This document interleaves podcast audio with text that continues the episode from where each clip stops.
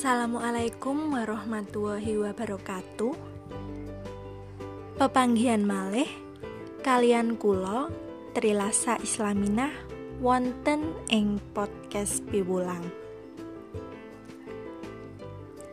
Wonten ing podcast piwulang episode setunggal menika kula badhe ngandharaken babagan materi pasinaon bahasa Jawa kangge kelas pitu semester setunggal inggih menika teks cerita rakyat kompetensi dasaripun inggih menika memahami isi teks cerita rakyat dan menceritakan kembali isi teks cerita rakyat dengan ragam ngoko. Ancasipun inggih menika siswa dapat mengartikan kata-kata yang dianggap sulit, menjawab pertanyaan tentang isi wacana bacaan dalam ragam kromo, menentukan pokok-pokok isi teks cerita rakyat dengan benar,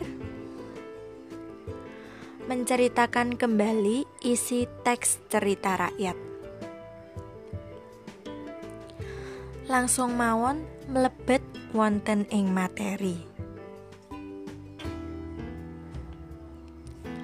Cerita rakyat inggih menika salah setunggalipun karya sastra kang rembaka ing masyarakat kanthi turun temurun lan dituturake kanthi cara lisan. Cerita rakyat menika wujud kabudayan kang kaasilaken dening masyarakat. Salajengipun ciri-ciri cerita rakyat ingkang nomor setunggal anonim. Tegesipun boten mangertos sinten ingkang nganggit. Nomor kalih kolektif. Tegesipun ingkang gadahi masyarakat sesarengan. Nomor tiga dicariosaken kanthi lisan saking generasi marang generasi saklajengipun. Wujudipun cerita rakyat kaperang dados sekawan setunggal wonten fabel. Fabel menika cerita rakyat kang paragonipun kewan. Nomor kalih menika legenda. Legenda menika cerita babagan salah setunggalipun papan panggenan Nomor tiga mitos biasane nyariosaken kedadean ingkang saged dipercaya utawi boten dipercaya. Pungkasanipun wonten sage. Sage menika carios ingkang ngandhut sejarah. Tuladanipun cerita rakyat menika maneka warna. Kados Timon Mas, Joko Tarub, Keong Mas, Sangkuriang, Roro Jonggrang, Sawunggaling, lan sak panunggalanipun. Unsur intrinsik cerita rakyat wonten 6. Setunggal tema, kalih tokoh lan penokohan, tiga latar, ingkang kaperang dados tiga. Papan pangginan wektu lan swasana. Sekawan alur. Wonten alur maju alur mundur ugi alur campuran. Gangsal sudut pandang. 6 amanat utawi pitutur luhur. Saklajengipun kula badhe maosaken cerita rakyat kanthi judul Sawung Galing. beduk kentang-kentang mulih saka dolan Joko berek atine bedegel praupane abang beranang ngempet kanepson Joko berek muring-muring temenan. Saben-saben dolan mesti dienyek karo kanca-kancane amarga mlarat dilokke bocah karam ora duwe bapak. Biong Biong aku isin Aku emoh dolan maneh aku isin Suara Joko berek bengok-bengok Gek ana apa tole kok bengok-bengok? Yen ana perkara mbok ngomong biung iki. Biunge semaur saka jero. Banjur lungguh jajari Joko berek sing lagi lungguh lincak ing emper omah. Biung aja gelo atimu yo aku dak takon sejatine bapakku kuwi sapa jare kancaku Aku bocah karam, ora duwe bapak. Simbah dak takoni dikongkon takon biung. Yen pancen aku duwe bapak, sapa bapakku? Yen isih urip nang endi panggonane? Yen mati endi kubure? Pitakone Joko Berek marang biunge. Tole anakku Joko Brek. Gedekno atimu. Ora ana ceritane anak ora duwe bapak. Bapakmu ya durung sedo. Isih sugeng.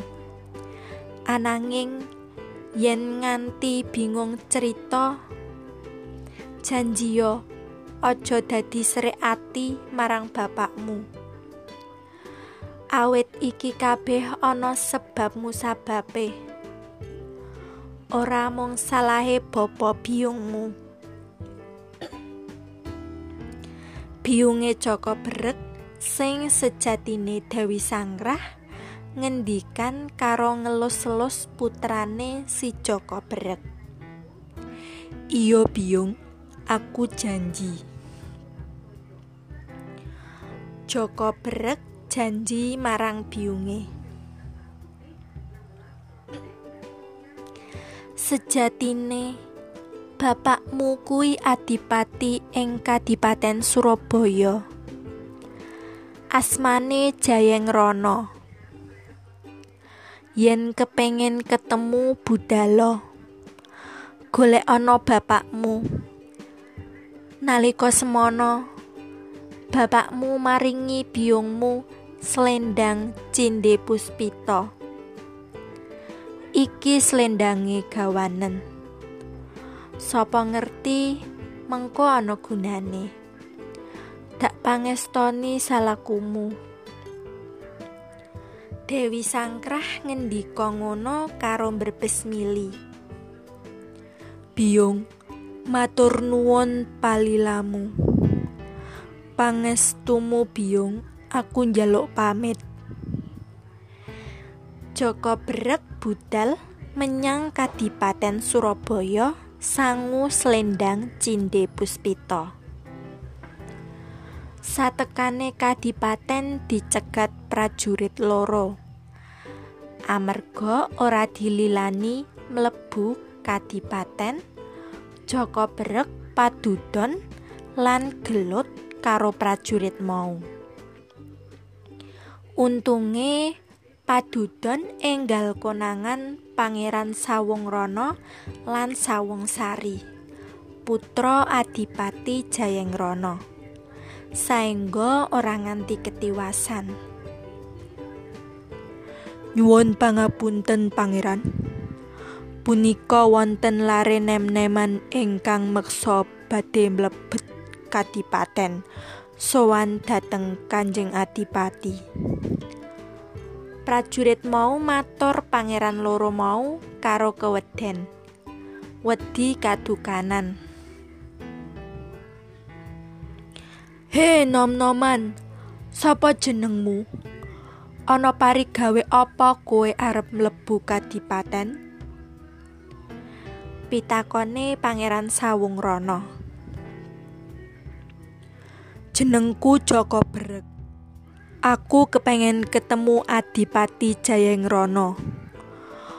Ana sing perlu dak omongke. Mula aja kok alangi. Joko Brek ngomong tanpa nganggo suposito. Hei, Joko Brek wong murang toto. Ora bisa kue nemoni Rama Jayengrono. Mulya, yen ora gelem bakal dak olehke nyawamu. Sentak panantange sawung sari. Ora bisa.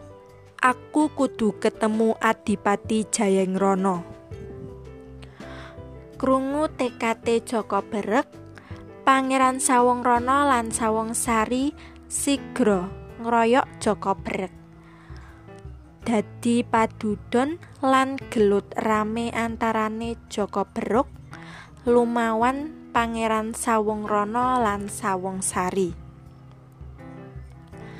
Durung pati suwe anggone gelut konangan Sang Adipati Jayeng Rono sing lagi bae metu saka jero kadipaten. He leren leren ana apa iki padha gelut? Adipati Jayengrana nglerenake sing padha gelut. Lan nakoni apa sebab musababe nganti gelut. Joko Brek Aku Adipati Jayengrana. Ana parigawe apa kowe pengen nemoni aku? Adipati Jayengrana dangu Joko Brek. Waleh-waleh apa Bapak Adipati? Aku kepengen ketemu sampeyan. Jaluk di aku anak. Aku iki anakmu. Anake Biyung Dewi Sangkrah. Joko Berek jawab Bloko Suto marang Adipati Jayengrono. Ketemu pirang perkara. Aja ngawur. Kue nyebut aku bapakmu? Apa buktimu? Sereng pangandikane Adipati Jayengrono semu duka. Joko Berek ngetokake selendang cinde puspita sangka wungkusan. Diaturake Adipati Jayengrono. Nalika Adipati Jayengrana mirsani slendang Cinde Puspita, legek kelingan menawa slendang mau pancen tandha mata kang nate diparingake garwa selire kang kinasih kang asma Dewi Sangkrah. Yen ngono bener tenan, sliramu pancen putraku. ngendikan ngono karo krangkul Joko Berek. Banjur dikenalake karo Sawung Sari lan Sawung Rono minangka sedulure.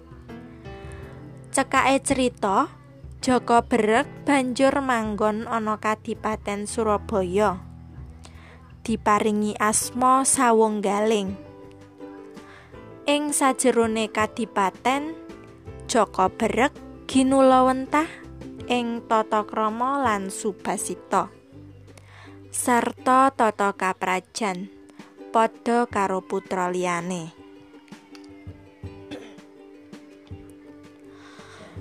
menika materi pasinaon bahasa Jawa teks cerita rakyat ingkang saged kula andharaken Matur nuwun kangge sedaya ingkang kersa midhangetaken podcast piwulang episode setunggal menika.